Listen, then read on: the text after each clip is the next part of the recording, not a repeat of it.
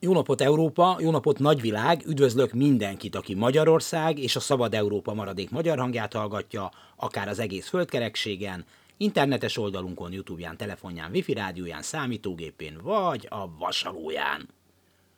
Jogunk van szólni, ez itt a hetes stúdió, Dési János vagyok, örülök, hogy ma is velünk tartotok, szerkesztőtársam Csernyánszki Judit. Mint az a legfelsőbb helyről elhangzott, az ország régóta nem volt ilyen jó állapotban. Magyarország ma erősebb, mint a kommunizmus bukása óta bármikor.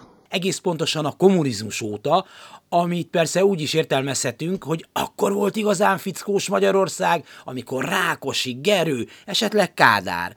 Aztán a demokrácia satnya évtizedeit a hanyatlás és a dekadencia jellemezte, de amióta itt van nekünk újra ez az épülő, szépülő, otthonos kis diktatúrácska, Azóta erőnk teljében vagyunk. Úgy tűnik hát, hogy a magyar létforma gazdagsága, ereje igazából csak a diktatúrák idején tud kiteljesedni. Persze Magyarország nem diktatúra, mert van itt minden, ami a szabad és demokratikus élethez kell. Parlament? Mi az, hogy? Jó, ugyan nem engedik be a képviselőt, aki maga az ellenzék, de se baj. Alkotmánybíróság? Hát bizony. A lehet ugyan ehhez képest egy önálló, határozott és komoly társadalmi szerepet betöltő szervezet, de a lényeg, hogy van. Ügyészség? Ajjaj. És még lesz korrupció ellenes hatóság is, amelyet a jó Rogán Antal rak össze, őrá bármikor rábízunk csukott szemmel is egy kis korrupció ellenőrzést.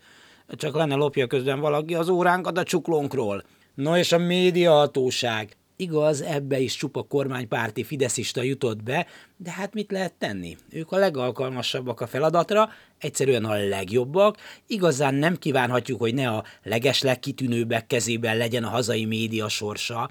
Elég csak belepillantani a propagandatévék műsorába, és már is életre kell a múlt.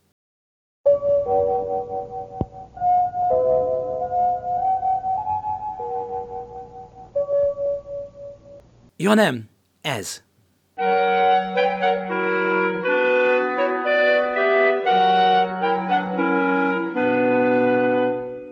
Amit sosem értettünk nagyszüleink, szüleink történeteiből, hogy miért is vették be olyan sokan az éppen közfogyasztásra kiosztott maszlagot.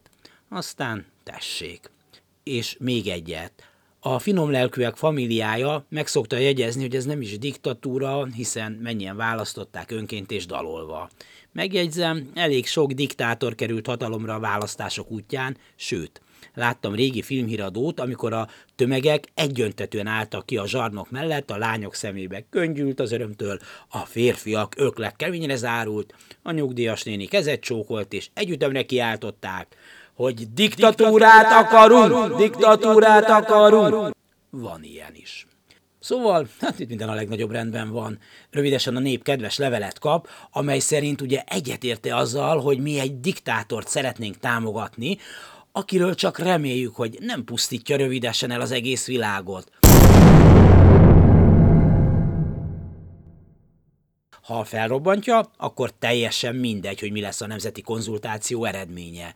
Ha mégse, vagy akadnak azért olyanok, akik hírmondóban megmenekülnek, akkor ez a konzultáció éppen akkora dicsőség lesz, mint a Dombaszi népszavazás.